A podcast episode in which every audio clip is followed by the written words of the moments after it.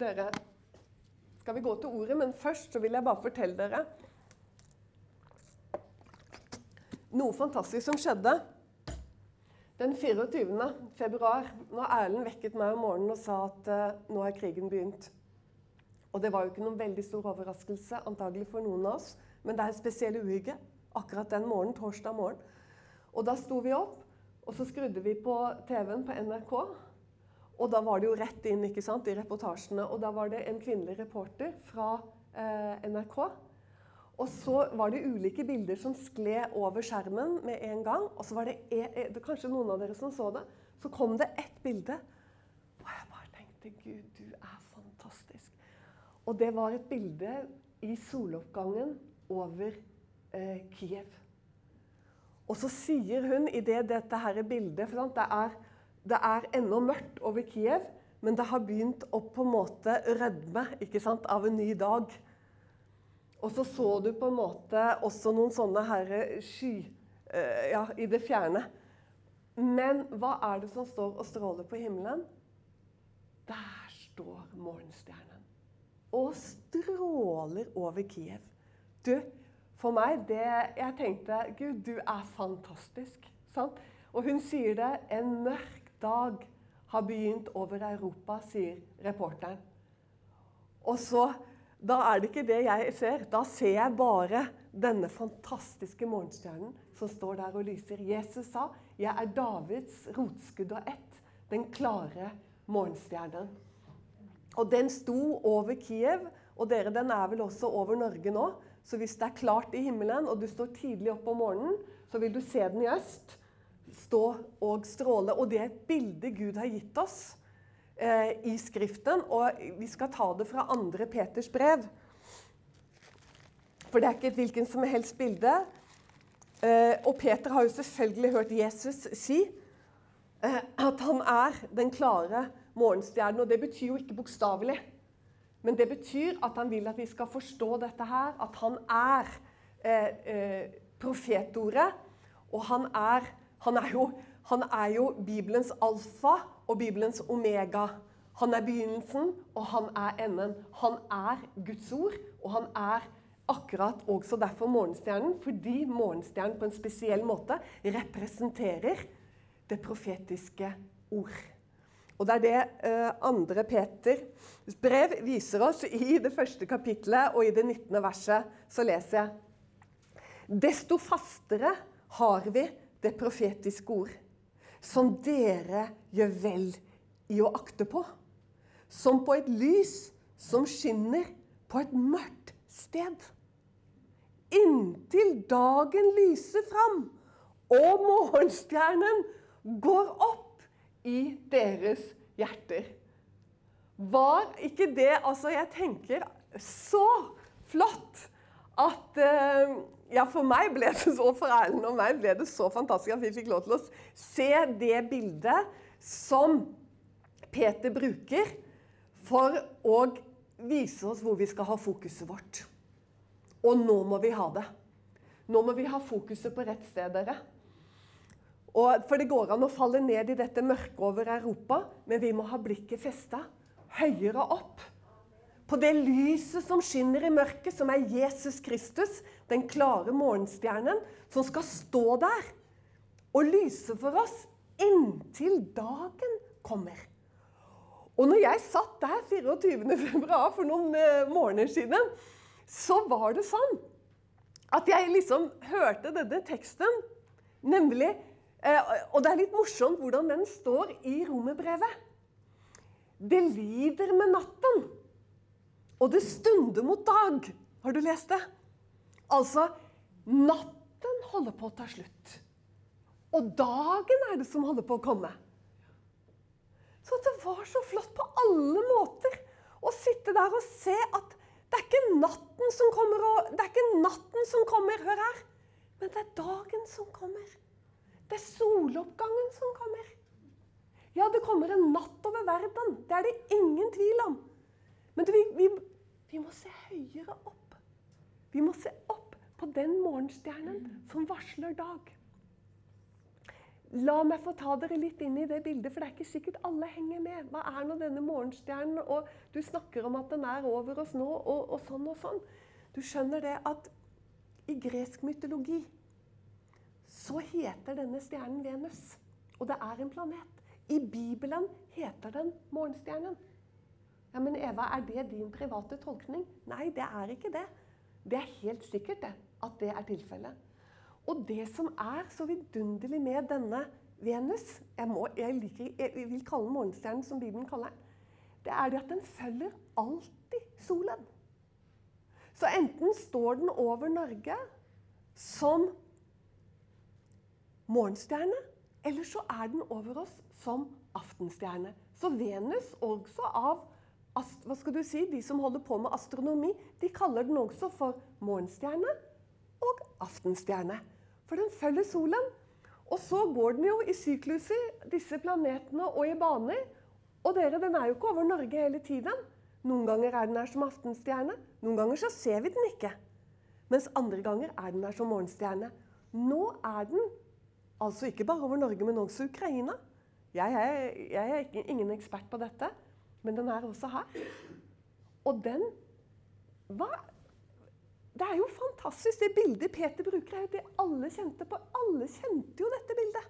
Med denne tred sterkeste himmellegemet etter solen og månen.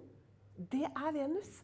Den stråler med en sånn kraft at den kan kaste skygger. Det er ikke sikkert du visste det. Venus kan kaste skygger. Så sterk har, kraft har den eh, noen ganger når den er over landet vårt òg, at den kan gjøre det. Og dere, så sier da Peter at vi har fått et tegn i himmelen som vi kan se på og trøste oss ved. At denne Når, så, når vi ser den, så kan vi få lov til å vite det at den skal stå der. Og den skal stråle inntil dagen kommer. Og det gjør den jo. Du, du kan jo stille deg opp i morgen hvis det er klart, mot øst. Og så kan du stå der med andre Peters brev. I mørket. Stå opp tidlig. Så ser du han står der som en lyskule. Og så ser du at når dagen og lyset den nye dagen kommer under Du begynner å rødme, og så begynner det å bli gult. Og da ser du etter hvert at ettersom solen kommer, så forsvinner morgenstjernen i lyset av den nye dagen. Og da trengs den ikke lenger. For da har dagen kommet opp. Halleluja. Og, så, og, vi får jo bare være med gjennom verdens natt på denne reisen. Og det har menigheten gjort. Hele, Gjennom århundrene og årtusener har de fått være med på denne reisen og få lov å ha det lyset på himmelen. Nemlig om hva da? Jo, det varsler dette kongeriket som kommer. Denne stjernen den gjør ingenting annet enn å varsle et rike som kommer. Den varsler at Jesus Kristus kommer, og hans rike kommer. Og han har seiret. Og Derfor så står det liksom skrevet fra evighet av i himlene. Og det er jo derfor Jesus sier det. Jeg er morgenstjerna. Altså, det er satt. Det er eh, bestemt fra evighet av. Og da må ikke vi på en måte gå vill forstår du, i mørket, for nå blir det kamphandlinger framover. Og vi vet ikke hva som kommer til å skje, og hvordan dette kommer til å utvikle seg. Og vi kan bli oppslukt av dette mørket. Du må ikke bli det. For, dette, for dette, alt dette er også varslet i Bibelen. Alt dette må skje. Du skal få hjemmelekse av meg å lese 2. Peters brev og siste kapittel hos profeten Malaki. Disse tingene må skje. Men dere, det er allerede satt, og det er allerede bestemt i himmelen. Og det er satt der som et tegn for oss. Og jeg skulle ønske at du ikke tvilte et sekund. For det er liksom noen som kan sitte Ja, men dette er veldig spesielt, da. Ja, men morgenskjønn er det sånn. Nei, altså Bare stol på meg og det jeg sier. Stol på meg nå og det jeg sier. Det er slik at vi har fått dette lyset og dette tegnet Og det er underlig at ikke vi egentlig har frydet oss i dette skjønner du, allerede i lang tid. det? For det Peter gir her, er ingenting annet enn et fenomen som vi alle sammen skal få lov å trøste oss ved inntil dagen kommer. Og du kan gjøre det i morgen hvis det er klart, og det ikke er for høye fjell rundt deg. Fordi den står ganske lavt i øst. Så kan du få lov å trøste deg ved dette synet. Inntil dagen kommer, så kan du tenke på det. Ja, dette er bare et symbol for han og hans rike. Og den dagen som kommer, som aldri mer skal bli natt. Og det er fantastisk. Vi må igjen inn i natten. Vi må igjen inn i en ny dag. Men allikevel, bildet er der, og det står fast i himmelen. I himmelen er det Det står faktisk i en av salmene. Du har rotfestet din trofasthet i himmelen. Det er vel David som sier det, tror jeg. Du har satt din trofasthet i himmelen. Vi kan få lov å se det. Og dere, Det er så urokkelig, og det er så fast. Og Da skal vi gå litt bakover, og så skal vi se litt på hva dette bildet eh, kan få lov til å vise oss i 4. Mosebok. Eh, I det 24. kapittel dere, så står det, og det er Biliam som står her og profeterer. Han ble, han, ble, han ble påkalt for at han skulle forbanne. Og han hadde nok ganske lyst til det, fordi han hadde lyst på æren, og han hadde lyst på han hadde lyst på uh, skattene og fortjenestene av å gjøre det. Hans hjerte var ikke helt med Gud. Men Gud gjorde det slik at han klarte ikke å gjøre noe annet enn å tale Guds eget ord. Og så venter han det. Og det er jo sånn Gud gjør alltid. Sant? Altså, han vender det onde som er vendt mot oss. Og det her, i dette tilfellet, dette onde som var sendt for å forbanne Israel, det vendte Gud om til desto mer velsignelse. Og så kommer Biliam med noen profetier. Og de må du lese. Det er fire profetier. Og Det begynner i det 23. kapittelet, og det fortsetter i det 24. kapittelet. Og de profetiene Det er jo helt uh, utrolig. Denne her ulydige, hva skal du si, lunkne Guds profet, som hadde lyst til å gjøre det motsatte av det Gud hadde sagt, han ved Guds makt står bare og velsigner. Han kan ikke noe annet. Og så sier han altså her, nesten helt på slutten, så sier han i det 17. verset i det 24. kapittelet Jeg ser han. Nå ser han Jesus, hva? Jeg ser han, men ikke nå. Jeg skuer han, men ikke nær. En stjerne stiger opp av Jakob. Og så står det 'et spir', men det som står på hebraisk her, det er et kongesepter. det er så bra. Et spir løfter seg fra Israel. Altså et kongesepter løfter seg fra Israel. Halleluja. Halleluja. Og det er du. Jeg tenker at eh, Når vi snakker om denne stjerna Det er her den kommer første gang. Denne stjernen som jødene sant? Altså, når Betlehemstjernen sto og strålte Jeg tenker jo at det er akkurat det samme. Det var helt sikkert Venus den gangen også.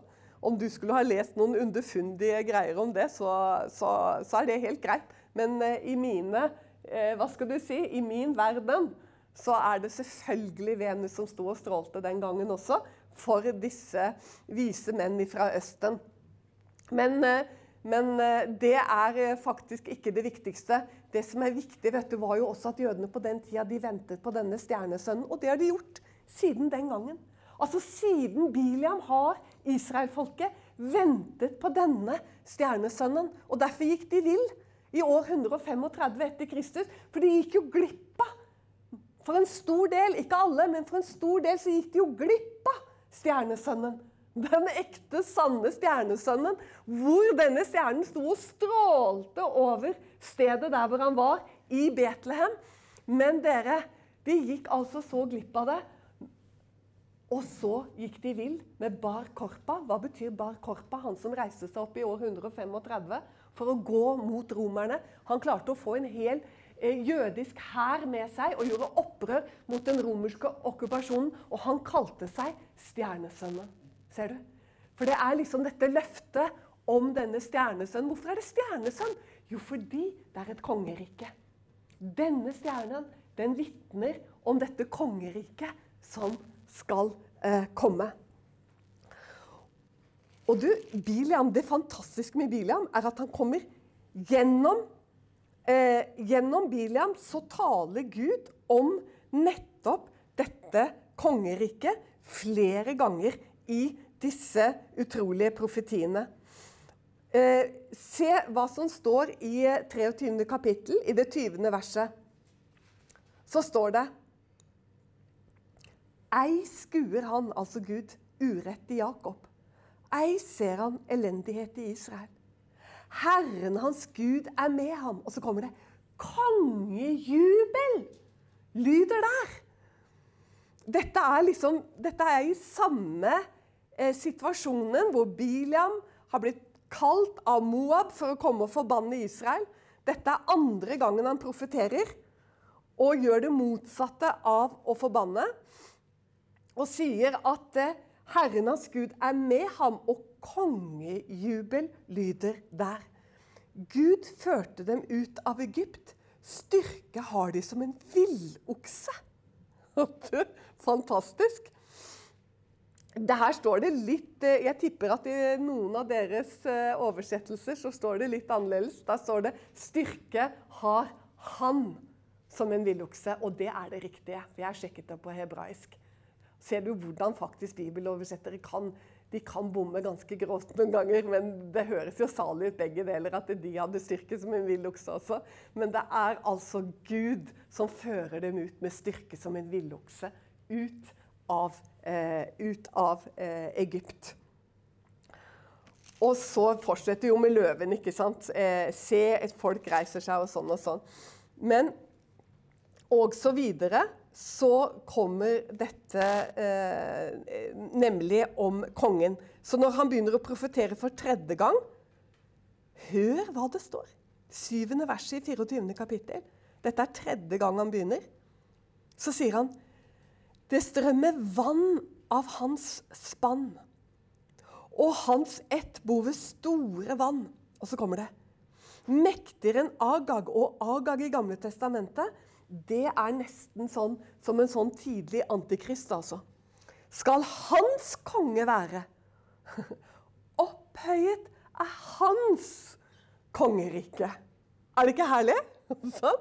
Dette kongeriket som eh, var bestemt allerede her, så fikk Bilian tale om eh, kongeriket. Og så vet vi at når David dere kommer på tronen, og han er jo en profet av dimensjoner, denne kongen David. Og han får jo sånne fantastiske løfter. Og i andre Samuels bok så må jo det være et av de mest eh, tenker jeg, utrolige stedene. Der hvor Gud gir David eh, løfte om, eh, om eh, kongen og at kongen skal komme igjennom hans ett. Altså at det kommer et kongerike. At denne han kommer. Det fikk allerede Biliam lov til å formidle. Men David han får vite det, at det er et evig kongerike som aldri noensinne skal ha noen ende. Så David fikk noen utrolige eh, eh innsikt ifra Gud. Og det skjønner vi jo når vi leser igjennom salmene. Tenk bare 90 ganger har jeg talt at kongen omtales igjennom Salmenes bok. Hvordan David fikk lov til å se dette riket som kommer. Og det skjer i forbindelse med at han har fått kongeriket og selv, David, David har fått kongeriket over Israels tolv stammer. Han har fått Guds herlighet, som er arken, opp til seg i Jerusalem.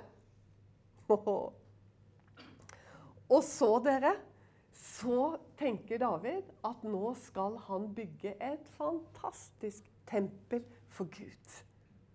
Og det må være det flotteste i hele verden. Sånn tenker jeg at David tenker. Men du Da kommer Gud til profeten Natan, som David hadde sagt det til. David hadde sagt til Natan at nå skal jeg bygge et hus for Herren som skal være så fabelaktig.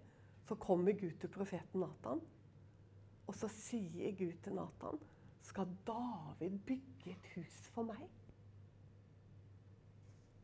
Nei. Det er jeg som skal bygge et hus for han. Og så minner han David Jeg tok deg som en liten gjetergutt da du gikk bak fårene. Liksom. Og jeg har fulgt med dere gjennom 40 år i ørkenen.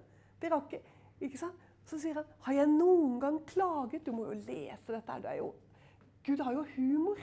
Han sier, har jeg, har jeg klaget sånn at dere nå skal bygge et gigantisk tempel til meg?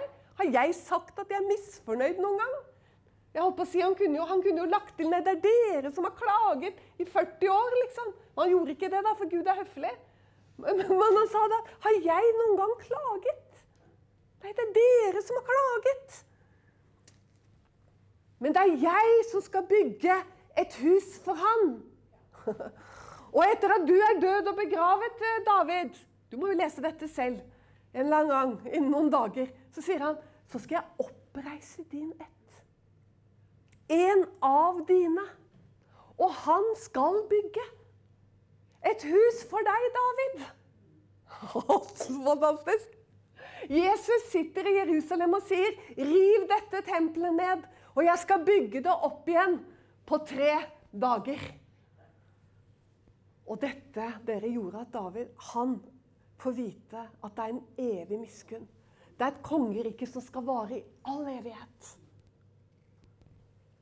Og han går inn holdt på å si sitt lønnkammer. Det er, det er jo det han gjør. Og faller på sitt ansikt over det som Gud har vist ham. For oss som sitter her, så er det litt sånn Ja, ja, ikke sant? det ble et konge. Sant? Jesus kom, og han innstifta det. Sant? Men hallo! I Salme 2, som må være av David, selv om det ikke står, så sier David i Salme 2, kan du lese i din bibel Jeg har allerede innsatt min konge på Sion. Og det var tusen år før Jesus kom i kjøtt og blod. Så var han innsatt. Ja, men Eva, må du rope? Ja, jeg må rope, fordi det, det, er så viktig at vi skjønner at det er noe som er så Det er så satt, og det er så bestemt. Og det er ingenting som kan rokke ved at dette riket kommer. Og du skjønner selv, om denne jord og alt som er på den, skulle forgå, som det står i Skriften, om himmel og jord forgår. Og om det blir som det står i Malaki, og det gjør det, vet du, at jorden brennes opp med ild. Og folkene kommer til å få gå i angst. Ja, men det var ikke snakk sånn, da. Jo, for dette er sannheten. Folk kommer til å få gå i angst. Og derfor, dere, så må vi være tydelige med at det kommer et rike som alle får lov å bli borgere av. Gjennom Jesu blod på korset. Dette riket kommer, og han skal hente hjem sin brud. Men vi vet ikke når han henter oss hjem. Det vi vet, er vi er ikke bestemt til vrede. Vi er ikke bestemt til et mørke og til vrede. Vi er bestemt til dette riket. Hør her, vi tilhører ikke dette mørket. Han har tatt oss ut av dette verdens mørke, og han har satt oss over i lysets rike. I sin sønns rike. Du er allerede satt over. Men du må ikke begynne å blande kortene.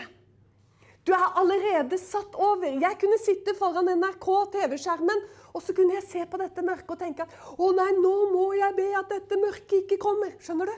Å, det må ikke skje. Det er fryktelig slitsomt å holde på sånn. Det er det. Men jeg må heller bare takke for at du kommer, Jesus. Bibelen slutter med at bruden sier hva da? Bruden sier 'kom'. Du skjønner, Det er det som er menighetens bønn framover. Herre, kom. Herre Jesus, kom. Nei, men den, den, Jeg tør ikke å be det, Eva. For det er så mange i familien min som ikke er frelst. Sånn? Og hva med det? Å nei, jeg tør ikke å be det. Nei, men du må ikke ha så liten tro. Du må Bruden sier 'kom'. Og den må Jesus høre. For han sier jo Les slutten på Johannes' åpenbaring. Hva er det brudgommen sier da? 22. kapittel, helt på slutten, så sier brudgommen Ja, jeg kommer. Ja, jeg kommer. Og så sier ånden og bruden igjen Ja, kom, Herre Jesus, kom. Forstår du? Og det må han høre av sin menighet. Det må være en menighet i Norge som sier, 'Herre, kom. Kom, Herre Jesus.' Du skjønner, Han kommer for å trøste alle sørgende. Han kommer, for å, han kommer for å mette de som hungrer, Jesus. Og han kommer for å gi jeg holdt på å si, Han kommer Det er akkurat som saligprisningen kommer her til meg, men det er jo det han gjør. Han kommer ikke sant, til de som tørster og hungrer etter rettferdighet. Han kommer til de som, de som er forfulgt og plaget.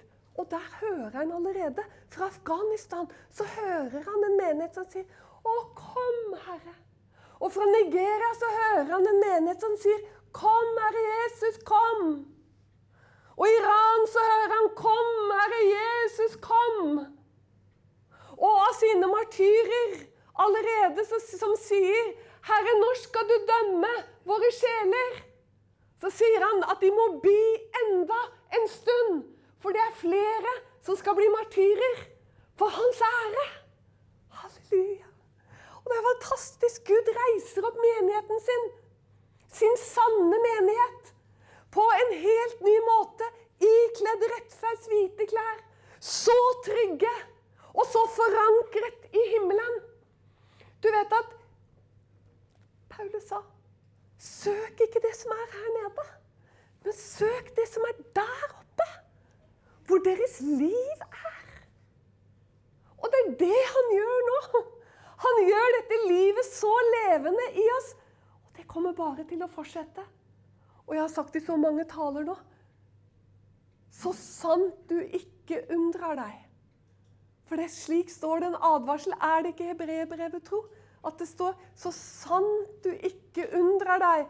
Og så sier forfatteren av hebreerbrevet 'men vi er jo ikke slike som undrer oss'.